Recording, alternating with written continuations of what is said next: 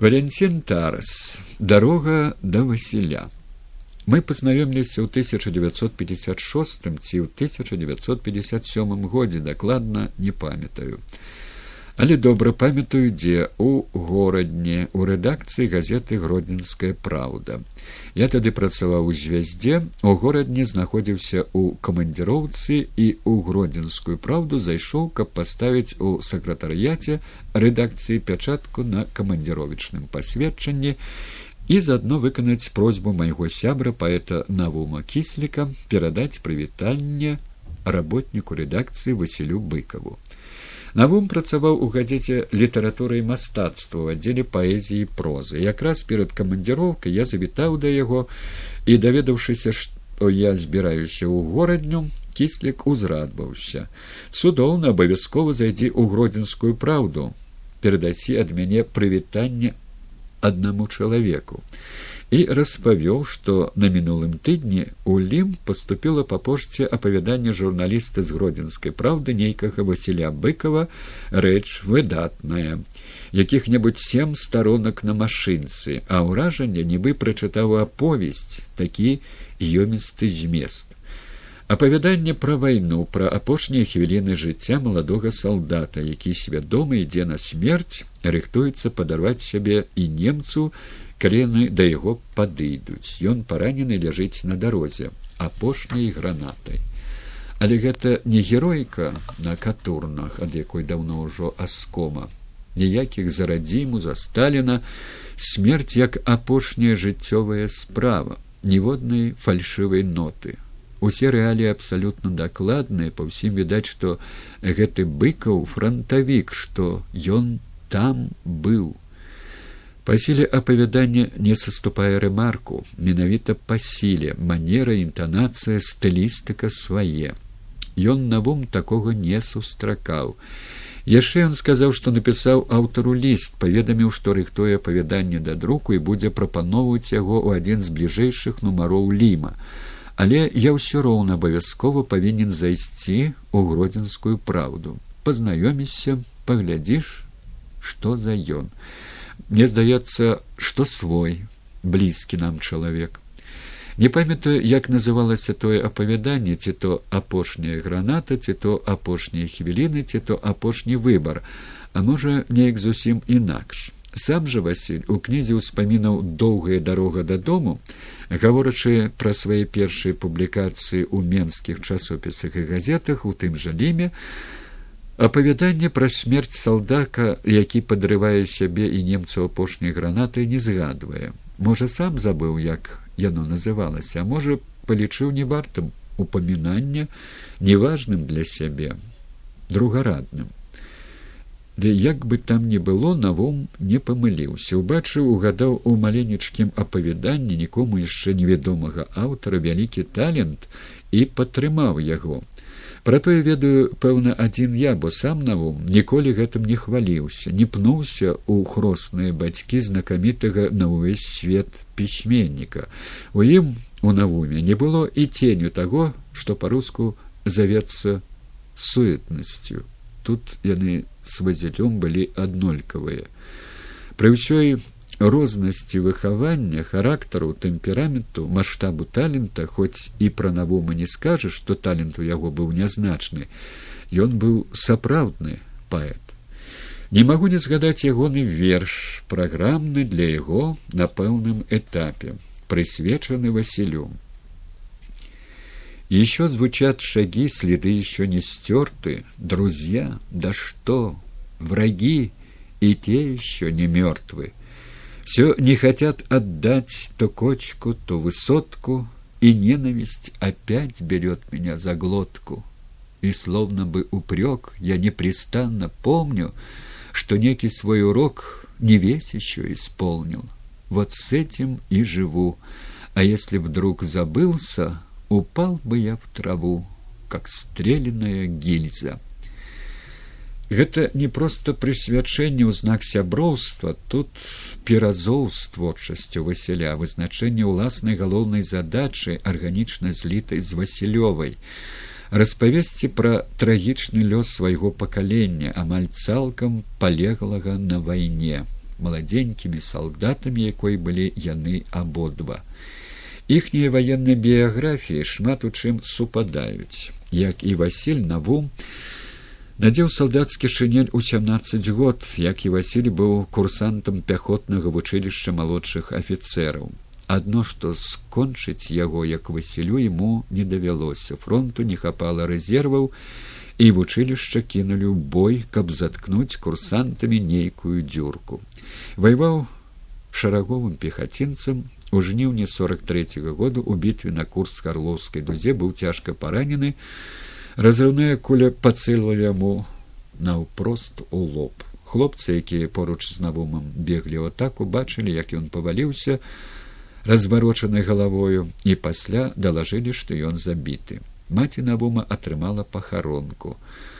Тое самае было і з васілём пра што ён распавядае у доўгай дарозе дадому. Яго плечулі забітым у баі каля украінскай вёскі вялікая северынка і на яго прыйшла пахаронка.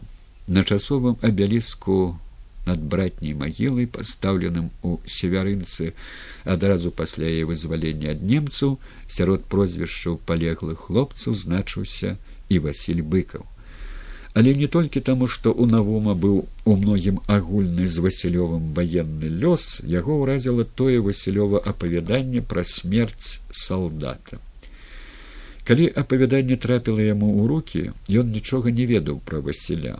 Уразіла акрамя зместу пазіцыя аўтара бо была яна і ягонай навумавай пазіцыяй непрычасанай праўды без дурной палітрукоўскай патэтыкі без рамантызацыі пекла вайны пазіцыяй сумленнай памяці Память в нервной клетке спит не замертво, напряглась, нахохлилась, набычилась. Наўрад ці навум, калі пісаў гэтыя радкі, думаў пра быкава, але мяне, калі згадаў іх, штурхнула ў сэрца.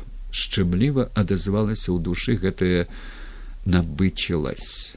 Адразу ўбачыў нахохленага, набычанага Васіля Якім ён станавіўся калі быў чымсьці занепакоены або засмучаны альбо незадаволены. Таким нахохленым набычаным я ўбачыў васіля тады у рэдакцыі гродзенскай праўды ў дзень першага майго з ім знаёмства. А калі ўсё праўду казаць не прыхарошвацца то ён зрабіўся такім размаўляючы са мною слухаючы мае кампліменты. Яны яму не падабаліся і сам я ему не спадабаўся. Зразумеў я гэта не тады а праз шмат год калі мы ўжо былі сябрамі калі я ўжо ведаў які ён сціплы стрыманы амаль заўсёды сур'ёзны чалавек. Не мог я ему спадабацца сталічны ферт што валіўся да яго ў рэдакцыю як у сваю кватэру сеў без запрашэння запаліў папяросу не попрасіўшы дазволу і ўзяў такі тон нібы даўно быў з ім за панібрата смешна апраўдвацца праз столькі гадоў. Ты ўсё ж скажу чаму я так сябе паводзіў. Гэта маё звяздоўства з мяне пёрла. Хоць працаваў я у звездзе ўжо года паўтара усё яшчэ не мог апамятацца. Са студэнцкай лавы трапіў на такую вышыню да яшчэ ў аддзел літаратуры і мастацтва аўтары якога жывыя класікі якіх ведаюся беларусі нават увесь савецкі саюз.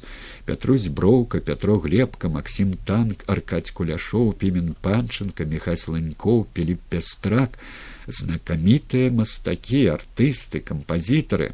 Што мне нейкая абласная рэдакцыя што мне нікому невядомы быкаў хоць навум і ў захапленні ад ягонага апавядання да таго ж гэты быкаў аказаўся не такім якім я яго сабе уяўляў я думаў што ён намнога старэйшы за мяне і нават за навума бравы сівымі скронямі з афіцэрскай выпраўкай шыракаплечы.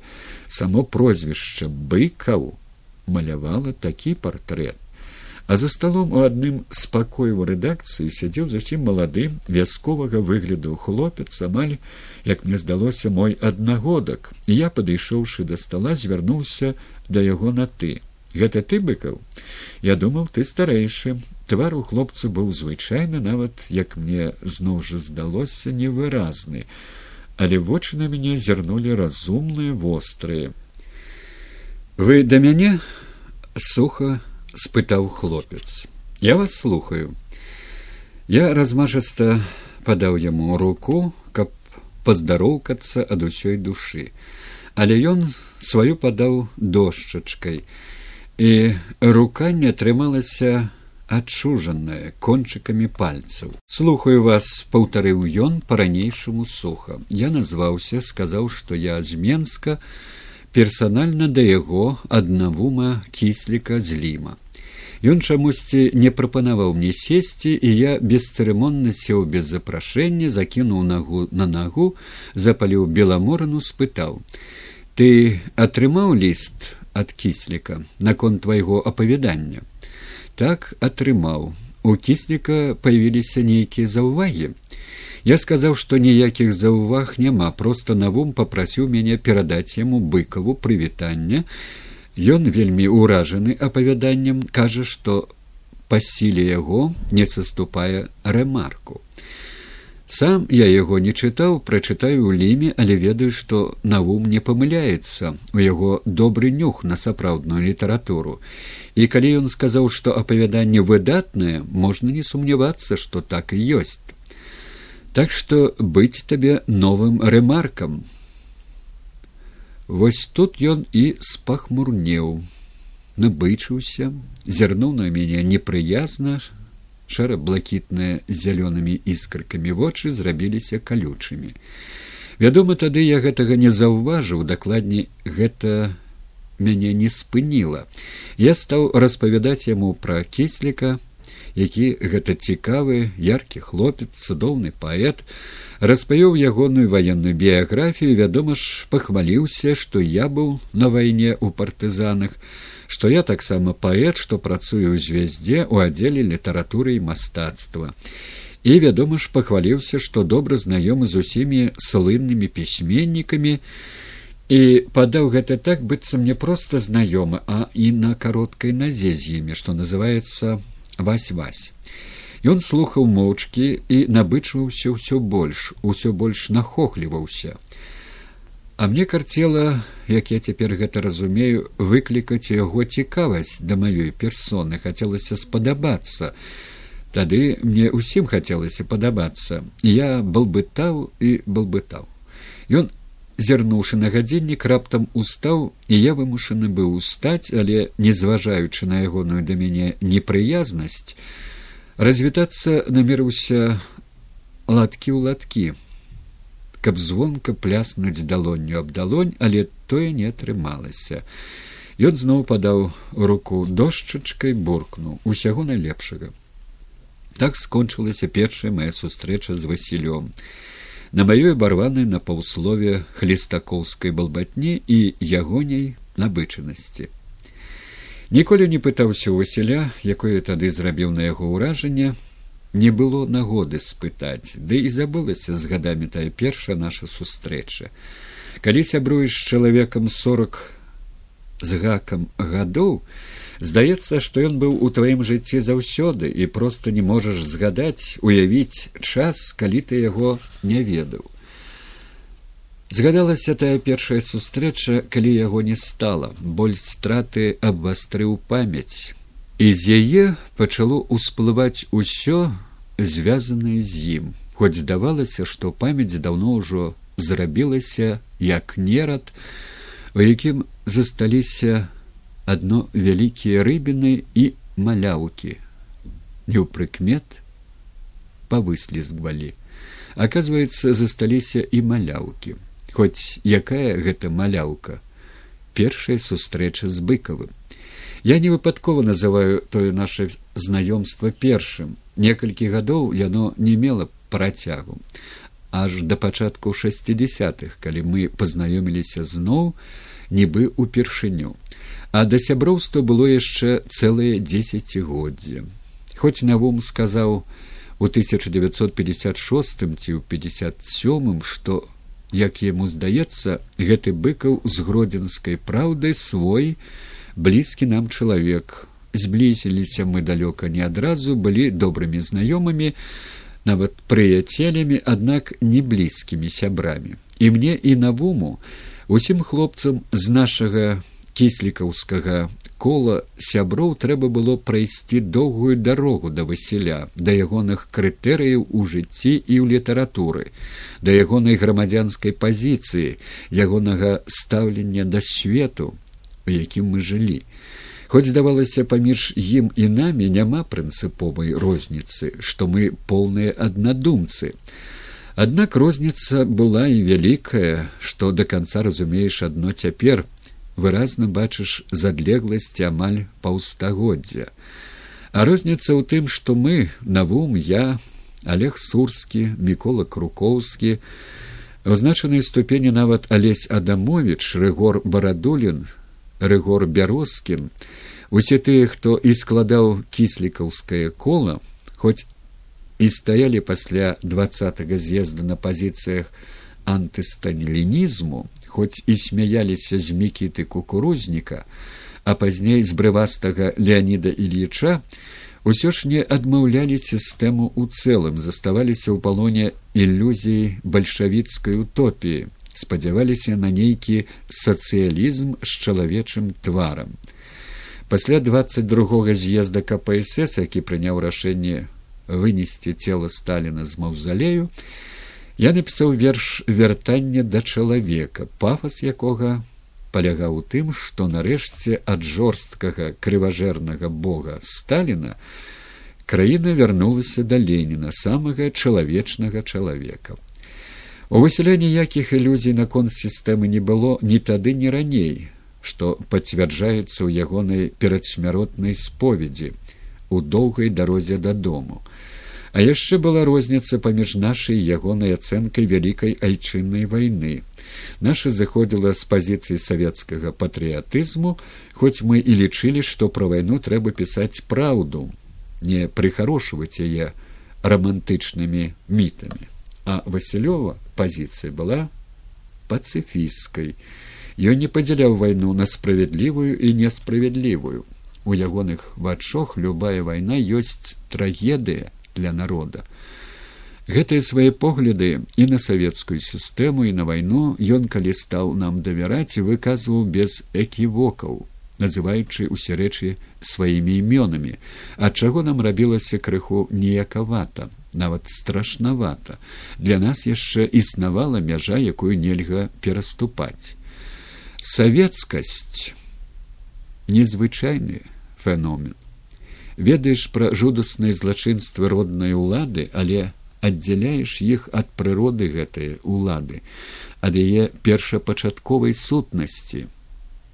Яе адважваешся дадумаць да канца і прызнаць што злачынная самаўлада ў цэлым і вінаваціш толькі асобных кепскіх ейных чыноўнікаў. Тое было хваробай не адно нашай але і ўсіх тых каго сёння называюць шасцідзясятнікамі і хоць гісторыкі літаратуры далучаюць і васіля да генерацыі шасцідзясятнікаў гэтых апошніх савецкіх ідэалістаў ён ім не быў. Ён быў сам па сабе. Але паўтарося здаваўся нам адным з нас толькі значна больш таленавітым. Магутнасць ягонага таленту адчувалі мы ўсе як адчуваеш сілавое поле высокавольтнай падстанцыі але тое ў ягоных творах а ў побыце ў нашых пасядзелках у навума ён нічым асабліва не вылучаўся не быў што называецца душою кампаніі. Душою кампаніі былі гавруны накшталт мяне навума рыгора бярозкіна хто калі ў залежнасці ад тэмы размовы і ступені паддатасці А ў Васіля язык быў не надта падвешаны. Красамоўцам яго не назавеш. Свае думкі ён фармуляваў запінаючыся марудна і слухаць яго было часам цяжка. Ён гэта ведаў і таму больш слухаў чым гаварыў. Шкада што мы не ўмелі слухаць асабліва я. Менавіта тую кіслікаўскую кампанію мае на ўвазе васіль у доўгай дарозе дадому калі распавядае як алексей карпюк ездзіў у менск сварыцца з ягонымі васілёвымі сябрамі якія спойваюць быкова аднойчы мне патэлефанаваў навум сказаў каб я неадкладна да яго прыехаў. У яго сядзіць алёша карпюк у якога да нас нейкі вельмі сур'ёзныя справы Што за справа ён навом не ведае. Карпюк патрабуе каб сабраліся ўсе хлопцы перадусім каб ты быў. Як усе збяруцца тады ён і скажа. Праз паўгадзіны я прымчаўся да навума на вуліцу фрунзе тры. Не памятаю хто там яшчэ быў здаецца хвёдар яфімаў рыгор бярозкін і мастак барыс забораў. Усю нашу кампанію сабраць не ўдалося. На канапе сядзеў злосны насуплены карпюк руку мне падаў неахвотна вочы калючыя. Пачакалі яшчэ крыху але нікога больш не дачакаліся. І карпюк пачаў вось што хлопцы з гэтым трэба канчаць. Вы спойваеце васіля. Ніводная ягоная паездка ў менск не абыходзіцца без таго каб ён тут з вами не напіўся. На вас мне шчыра кажучы напляваць. Піце калі здароўя не шкада але вы павінны разумець што такое быкаў. Кім ён ёсць для беларускай літаратуры. Я вам не дам зрабіць з яго алкаголіка. З паўгадзіны ён чытаў нам мараль сарамаціў бэсціў слова нікому не даваў прамовіць і слухаць не хачу. Якія тут могуць быць апраўданні. Вы злачынцы. Мы сумеліся разгубіліся пачувалі сябе школьнікамі перад суровым настаўнікам вядома карпюк перабольшваў. У навома ніколі не пілі па чорнаму ніколі васіль не напіваўся ды ўсё ж у пэўнай ступені карпюк меў рацыю. Без кілішка не абыходзілася аніводная наша пасядзелка. Антыалкагольная акцыя карпюка у імя выратавання быкова не мела поспеху хоць алексей і самому быкаву прачытаў мараль і засцярог яго ад нашай кампаніі п'янтросаў пра што нам смеючыся распавёў васіль прыехаўшы з горадні. І пасядзелкі нашы працягваліся. Прыязджаючы ў менск васіль абавязкова заходзіў да навума той па тэлефоне выклікаў мяне і іншых хлопцаў і пачыналася гавенда пра ўсё на свеце. Вядома больш пра палітыку пра тое што дзеецца ў краіне пра тое што зноў вярнуліся старыя часы сталіншчыны. І вось аднойчы василь спытаў у навума ці звярнуў ён увагу на тое што кожнага разу як толькі мы сядзем за стол под вокнамі навумавай кватэры пояўляецца белая волга з антэнай якая волга здзівіўся навум.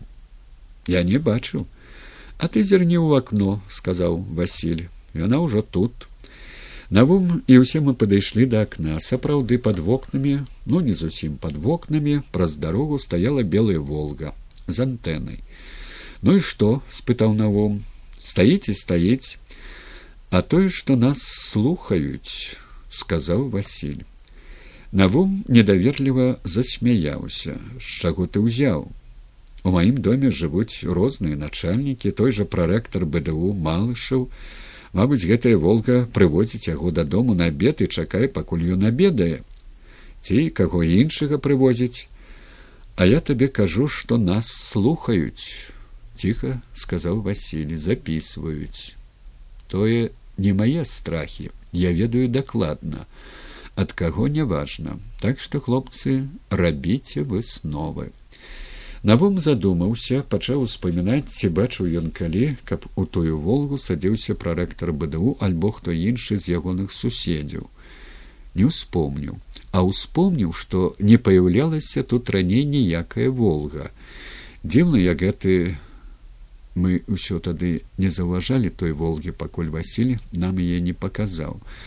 Машын жа ў той часы было мала, не тая безліч, што цяпер Да таго ж вуліца фрунзе была ў той час зусім ціхая, машыны па ёй амаль не хадзілі.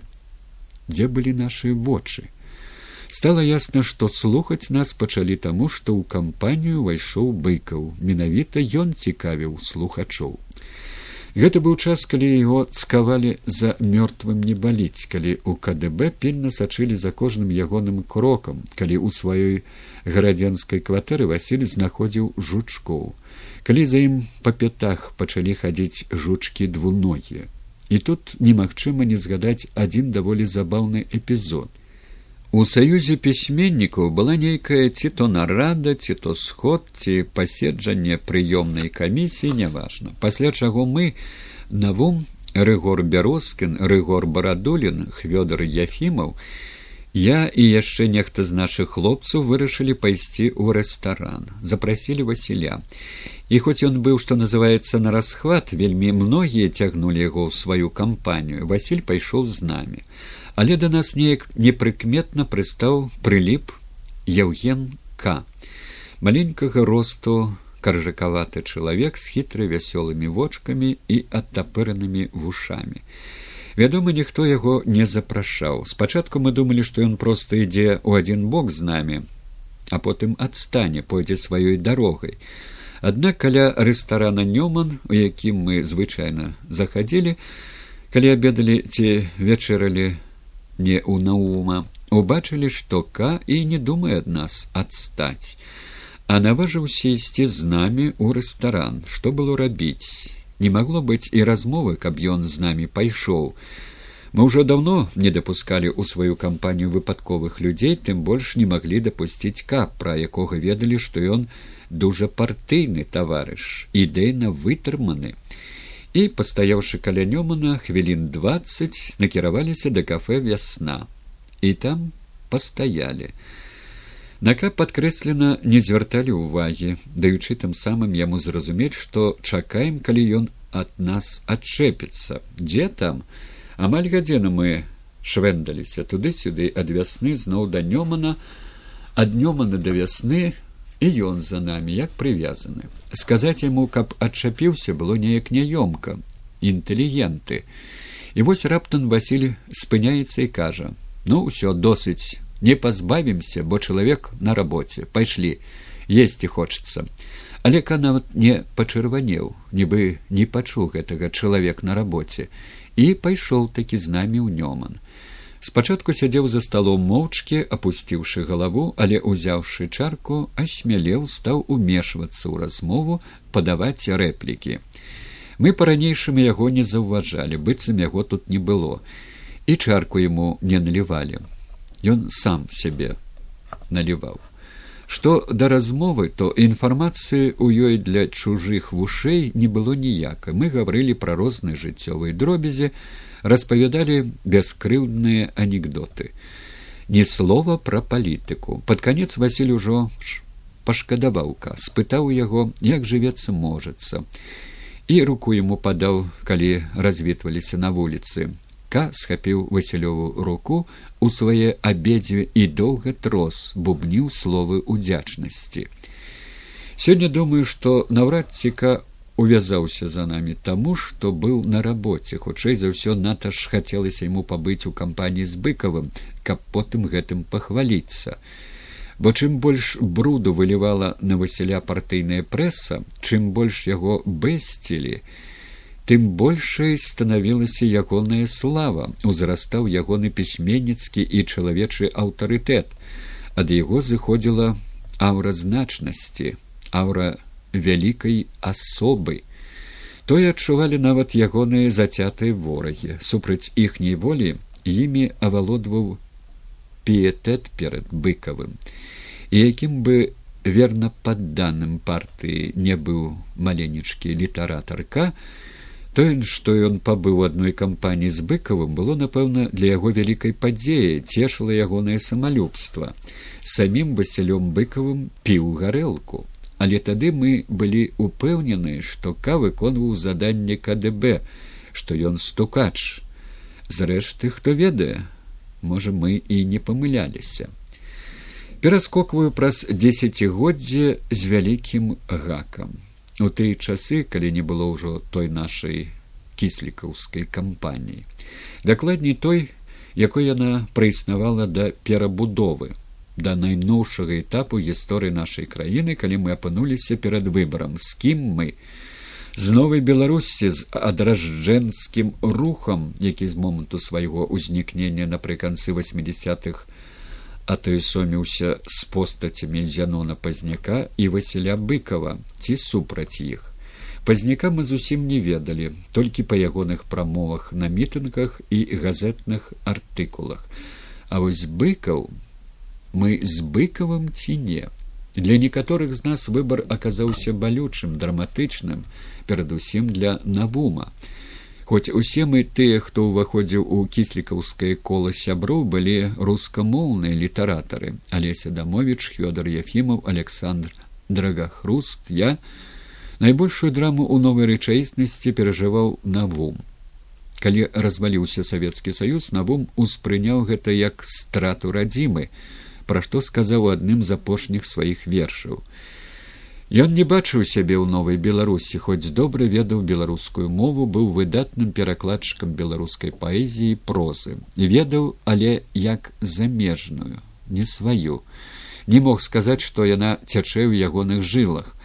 І беларуская гісторыя, якую таксама ён неблага ведаў, была яму чужая. Да мозгу костак ён быў рускі інтэлігент рускі паэт. Але пайсці пад сцягі расійскіх урапатрыётаў пад сцягі прарасійскіх інтэгратараў не мог таксама і не таму што быў графскага паходжання славутая пятая графа савецкай анкеты ці мала ў нас граф якія варожа паставіліся да адраджэнскага руху салідарызаваліся з ворагамі беларушчыны адзін такі граф рускі паэт аўруцін выступіў у сярэдзіне девяностых гадоў з артыкулам у якім сцвярджаў што рускамоўным літаратарам вельмі цяжка жывецца ў сённяшняй беларусі што іх душаць беларускія выдавецтвы што беларусіфікацыя выцясняе вялікую рускую культуру. Абураўся што цётку ставіць вышэй за блока і гэта сцвярджалася на фоне трагічнай суцэльнай русіфікацыі беларусі. Пасля рэферэндуму які надаў рускай мове статус дзяржаўны навум не мог заняць такую пазіцыю не мог кінуць камень у сваіх беларускіх сяброў а расійскі і прарасійскія шавіністы выклікалі ў яго сапраўднага рускага інтэлігента агіду і грэблівасць і ён пайшоў на нейтральную паласу. Адградзіўся да ўсяго што віравала навокал василь бачыў і разумеў навумову драму. Горка перажываў што у самым галоўным для яго васіля наум больш не быў поўным ягоным аднадумцам што ў многім яны страцілі агульную мову Мы з Васілём у той час пры кожнай сустрэчы гаварылі пра навума, пра ягонае гора, якое гаварыла па-рускі. І некаторыя выказванні Васіля я запісаў. Ён сказаў аднойчы, пакуль мы усе былі на адной ілідзіне, холад, які працінаў нас, быў для ўсіх аднолькавы. Але вось ільдзіна раскалолася, і кожны яе кавалак атрымаў магчымасць плысці самастойна. Самастойна растапіць лёд ператварыць льдзяное покрыва ў грунт у глебу сваю нацыянальную глебу дакладней аднавіць яе бо некалі кожны кавалак і быў зямлёю таго ці іншага народа пакуль расійскі дзед мароз не закаваў усе кавалкі ў адзін і льдзяны панцыр у імперыю. Тое аказалася недаспадобы родным так бы мовіць унукам деда мороза засумавалі па агульным панцыры па моцы імперыі. Я не пра навума ён разумны сумленны чалавек і сумуе не па імперыі па рассіі якую насіў у сабе якую адчуваў сваёй духоўнай радзімай на жаль. Беларусь такой радзімы для яго не была пры ўсёй ягонай павазе да нашай мовы літаратуры культуры. Але ж павага яшчэ не любоў якая патрабуе ахвярнасці гатоўнасці пайсці на галгофу у імя усяго гэтага. Што зробіш шкада навума але я магу толькі распачуваць яму дапамагчы у дадзеным выпадку немагчыма. Калі навум памёр ад цяжкай хваробы 27 снежня 1998 году у шпіталі для інвалідаў вайны ў бараўлянах васіля не было ў менску наогул у беларусі. Ён ужо жыў за мяжой у фінляндыі. Але быў ад яго да мяне праз некалькі дзён пасля пахавання тэлефонны званок. Ён сказаў што толькі што даведаўся пра смерць навума глыбока засмучаны і попрасіў каб я занёс ад ягонага імя кветкі на магілу. Ці мог я падумаць што праз чатыры з паловай гады буду плакаць і над васілёвай магілай цяпер для мяне іхнія магілы нібы адна братняя пад адным абеліскам памяці аб іх. Абодва яны для мяне як мудрыя старэйшыя браты. І ўсё ж пачынаючы з сярэдзіны восьмидесятых гадоў забываюся што цяпер ужо трэба казаць мінулага стагоддзя. Калі неабходна было самавызначыцца заняць ясную грамадзянскую пазіцыю арыенцірам маім стаў васіль а яшчэ алесь адамович там дзе яны там і маё месца. Не толькі таму што яны мае сябры. Не проста за кампанію сябрам заставаўся і навум. А перадусім таму што ў мяне не было той драмы якая разрывала душу навума. Наадварот я адчуў сябе часцінкай абуджанай беларускай стыхіі. Чаму так сталася пры вытокі маёй беларушчыны якая перамагла мяне самога як савецкага чалавека чый адрас не дом і не вуліца чый адрас савецкі саюз праз усё тое першае дзесяцігоддзе постсавецкай беларусі падрабязны расповед у маёй кнізе ўспамінаў імгненні веку якая пісалася і ўсё яшчэ пішацца апошнім часам найбольш зблізіўся я з васілём у апошні год ягонага жыцця асабліва у апошнія месяцы. Гэта самы балючы ўспамін пра яго але ёсць тут тым болю і шчымлівая радасць шчымлівае шчасце апошніх сустрэчаў з ім самых шчырых і цёплых за ўсе гады нашага знаёмства. Адна з такіх сустрэчаў адбылася 28 траўня 2002 году у той дзень раніцай была нядзеля. Я прыехаў з лецішча ў горад і адразу патэлефанаваў рыгору барадуліну. Напярэдадні дні за тры мы з ім дамовіліся што сустрэнемся каб вызначыць агульную пазіцыю на пасяджэнні маючы адбыцца рады беларускага пэн-цэнтру якая планавалася на панядзелак. А рыгор кажа наконт рады потым. З няпетчыны на некалькі дзён прыехаў васіль хоча сустрэцца з усімі нашымі хлопцамі але няма дзе. Ён табе тэлефанаваў яшчэ учора звязвайся з ім. Набіраю васілёў нумар трубку бярэ ягоная жонка ірына михайловна і тут жа перадае яе васілю высвятляецца што сапраўды няма дзе сустрэцца. На кватэру васіля не выпадае. Ірына михайловна вельмі кепска сябе адчувае у рыгора свае прычыны у іншых хлопцаў таксама. Пайсці ў рэстаран там не пагаворыш чужыя вушы вакол. Можа кажа василь збяремся ў цябе. Калі вядома э, твоя арэне будзе не супраць. Якое супраць? Не будзе на супраць але яна на лецішчы. Так што мне самому давядзецца прыгатаваць гарбату. Чаму гарбату кажа василь трэба выпіць па чарачцы закусіць адпаведна. Зробім так. Зараз я да цябе пад'еду на таксоўцы прывязу грошу. Не пярэч. Багач знайшоўся. У мяне пакуль што больш грошай чым у цябе. Сустрэнеш мяне калі табе не цяжка каля пад'езда. У дом заходзіць не буду мне яшчэ туды-сюды трэба заехаць. Хвілін праз двадцать я сустрэў яго каля свайго пад'езда. Ён былі з машыны бадзёры нават вясёлы усмешлівы. Мы абняліся расцалаваліся.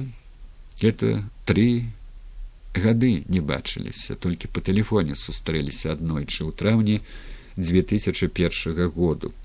Калі я прыязджаў у прагу у адведкі да сына які працаваў у беларускай рэдакцыі радыё свабода размаўлялі хвілін сорок калі не гадзіну радыё зрабіла нам такі падарунак аплаціла размову адчуванне у меня было такое нібы бачыліся літаральна учора пачуццё роднасці блізкасці не знікла за гэтыя тры гады Ён уручыў мне 80 тысяч і паехаў, а я паімчаўся на камароўскі базар. Перадусім купіў кавалак свініны, паленвіцу. Васіль попрасіў, каб я абавязкова купіў добрай свініны і запёк яе ў духоўцы. Паскардзіўся, што Ірына даўно ўжо не дае яму мяса, трымае на дыеце, на якой настойваюць лекары, корміць рознымі прэснымі кашкамі думаюць што гэтым яны мяне ўратуюць. Ён сказаў гэта неяк насмешліва але тады я не звярнуў асаблівай увагі на тую фразу згадаў яе пазней калі даведаўся што ён цяжка хворы. І падумаў што ён відаць ведаў пра сваю хваробу ўжо тады у траўні две тысячи другога. Купіў чырвоны ікры найлепшай кілбасы памідоры агуркі маладую бульбу селядзец.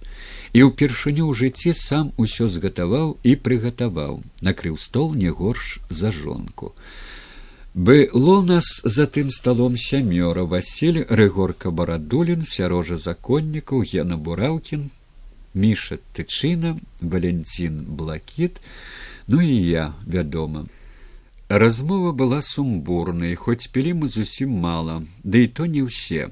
Рыгор ужо тридцать год у рот не бярэ. Бураўкін і законнікаў таксама завязалі. Аказалася, што і блакіт можа дазволіць сябе не больш чым пятьдесят грамаў, так што толькі мы з мішам узялі па сто. Васіль пажартаваў, сказаў, што от узрадаваўся б нябожчык алёша карпёк паглядзеўшы на нашу кампанію які ўсе зрабіліся паенькі сам ён піў віно для яго я па ягонай просьбе купіў бутэльку мерло.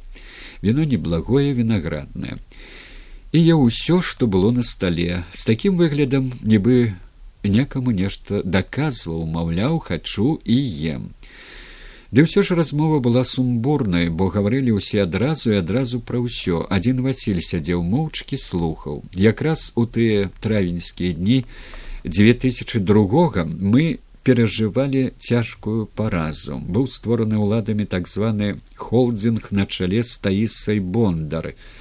Бондар каманда, як кажа барадолін, які праглынуў усе літаратурныя часопісы полымя маладосць крыніцу нёман. Па сутнасці мы страцілі лім. Пайшлі ў атаку на саюз пісьменнікаў выпрабаваны яшчэ за савецкім часам літаратурна партыйныя інквізітары.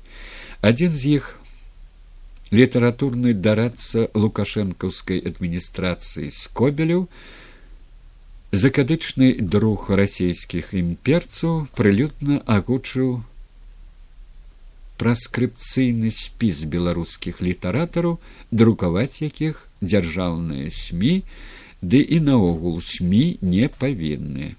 Бо гэтыя літаратары перадусім быкаў барадулін бураўкін законнікаў адарваліся ад нацыянальнай глебы перайшлі на пазіцыі глобалізму а сёння трэба адстойваць нацыянальны суверэнітэт.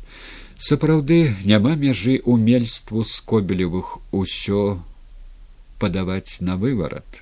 Няма мяжы іхняму палітычнаму шулерству і вынаходлівасці ў хлусні. Пра гэта мы гаварылі крычэлі жахаліся таму што дзеецца а потым спакойна ціха стомлена гаварыў васіль сказаў што беларускай нацыі па сутнасці няма. Пачала было складвацца ды не далі скласціся.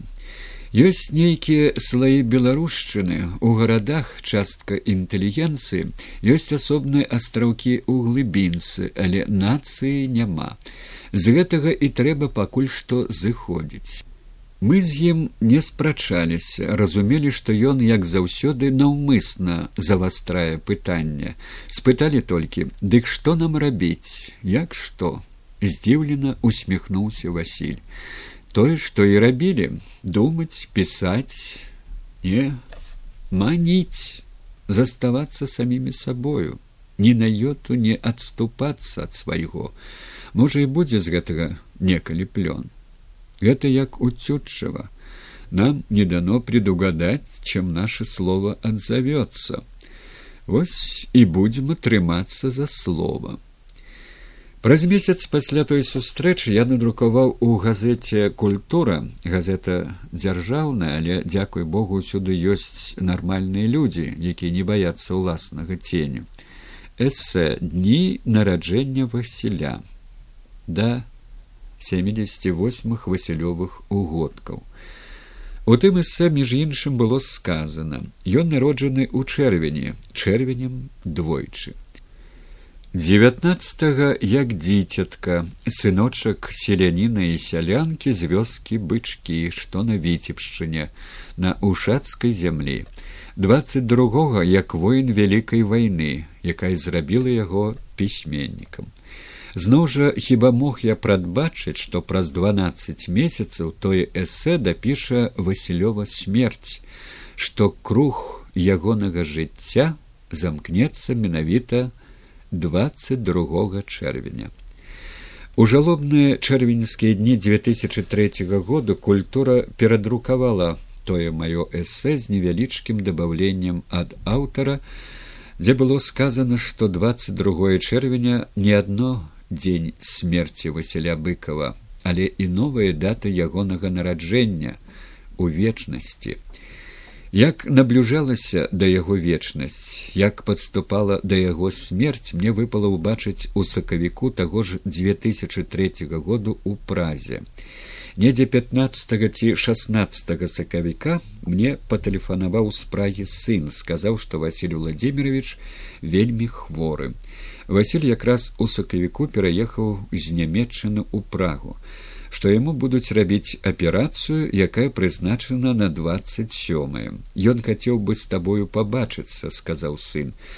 Дык можа прыедзеш, калі здароўе дазваляе. Вядома ж, я паехаў. Прыехаў двадцатого адразу патэлефанаваў Васілю, дамовіўся, што двадцать першага я да яго прыеду, але сказаў ён дома ён мяне пачаставаць не можа, не тая хата, каб прымаць гасцей. Ён зводзіць мяне ў кітайскі рэстаран адпомсціць за мой абед у мяне дома ў мінулым годзе. Сустрэліся я здзівіўся. Ён не выглядаў смяртэльна хворым. Быў такі ж бадзёры як і тады ў менску. У кітайскі рэстаран пайшлі ў трох з намі пайшла ірына михайлаўна заказваў василь хваліўся што крыху ведае кітайскую кухню і яна яму падабаецца. Ірына михайловна зірнуўшы на стравы якія заказаў василь сумна сказала василька что ты робіш? Табе ж нельга гэта есці василь напоўніў кілішкі усміхнуўся мне цяпер усё можна. Бадзёрам ён здаваўся і праз колькі дзён двадцать пятого сакавіка.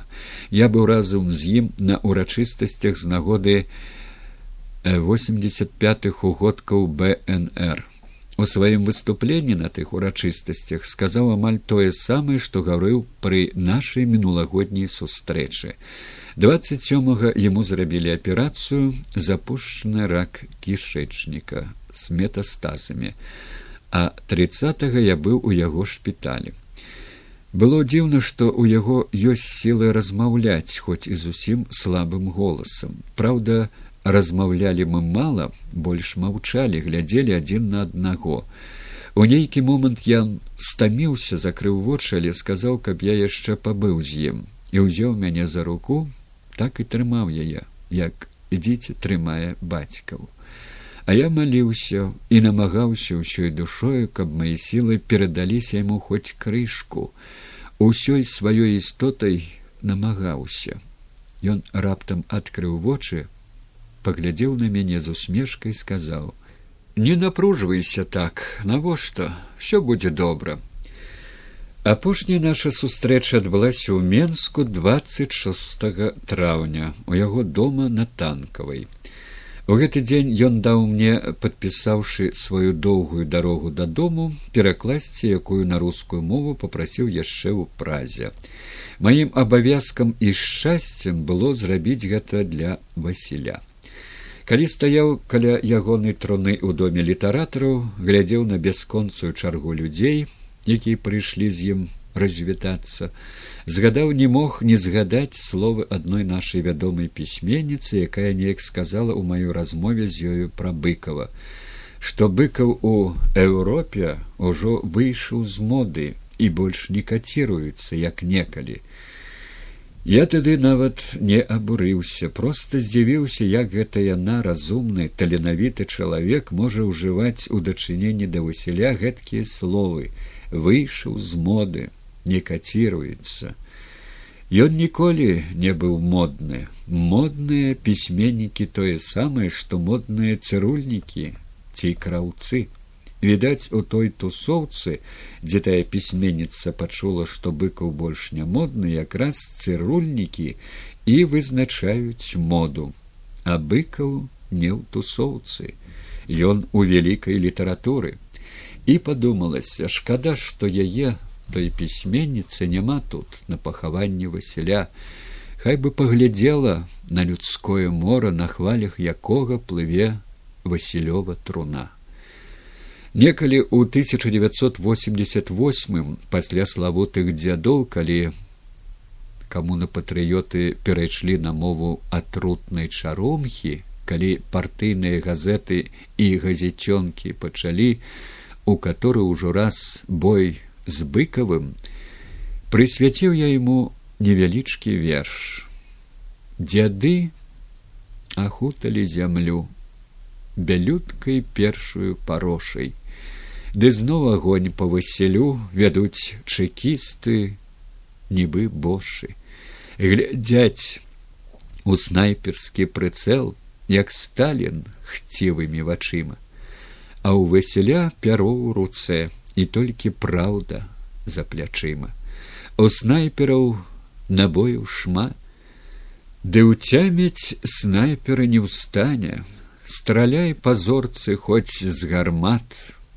Яна свяціць не перастане.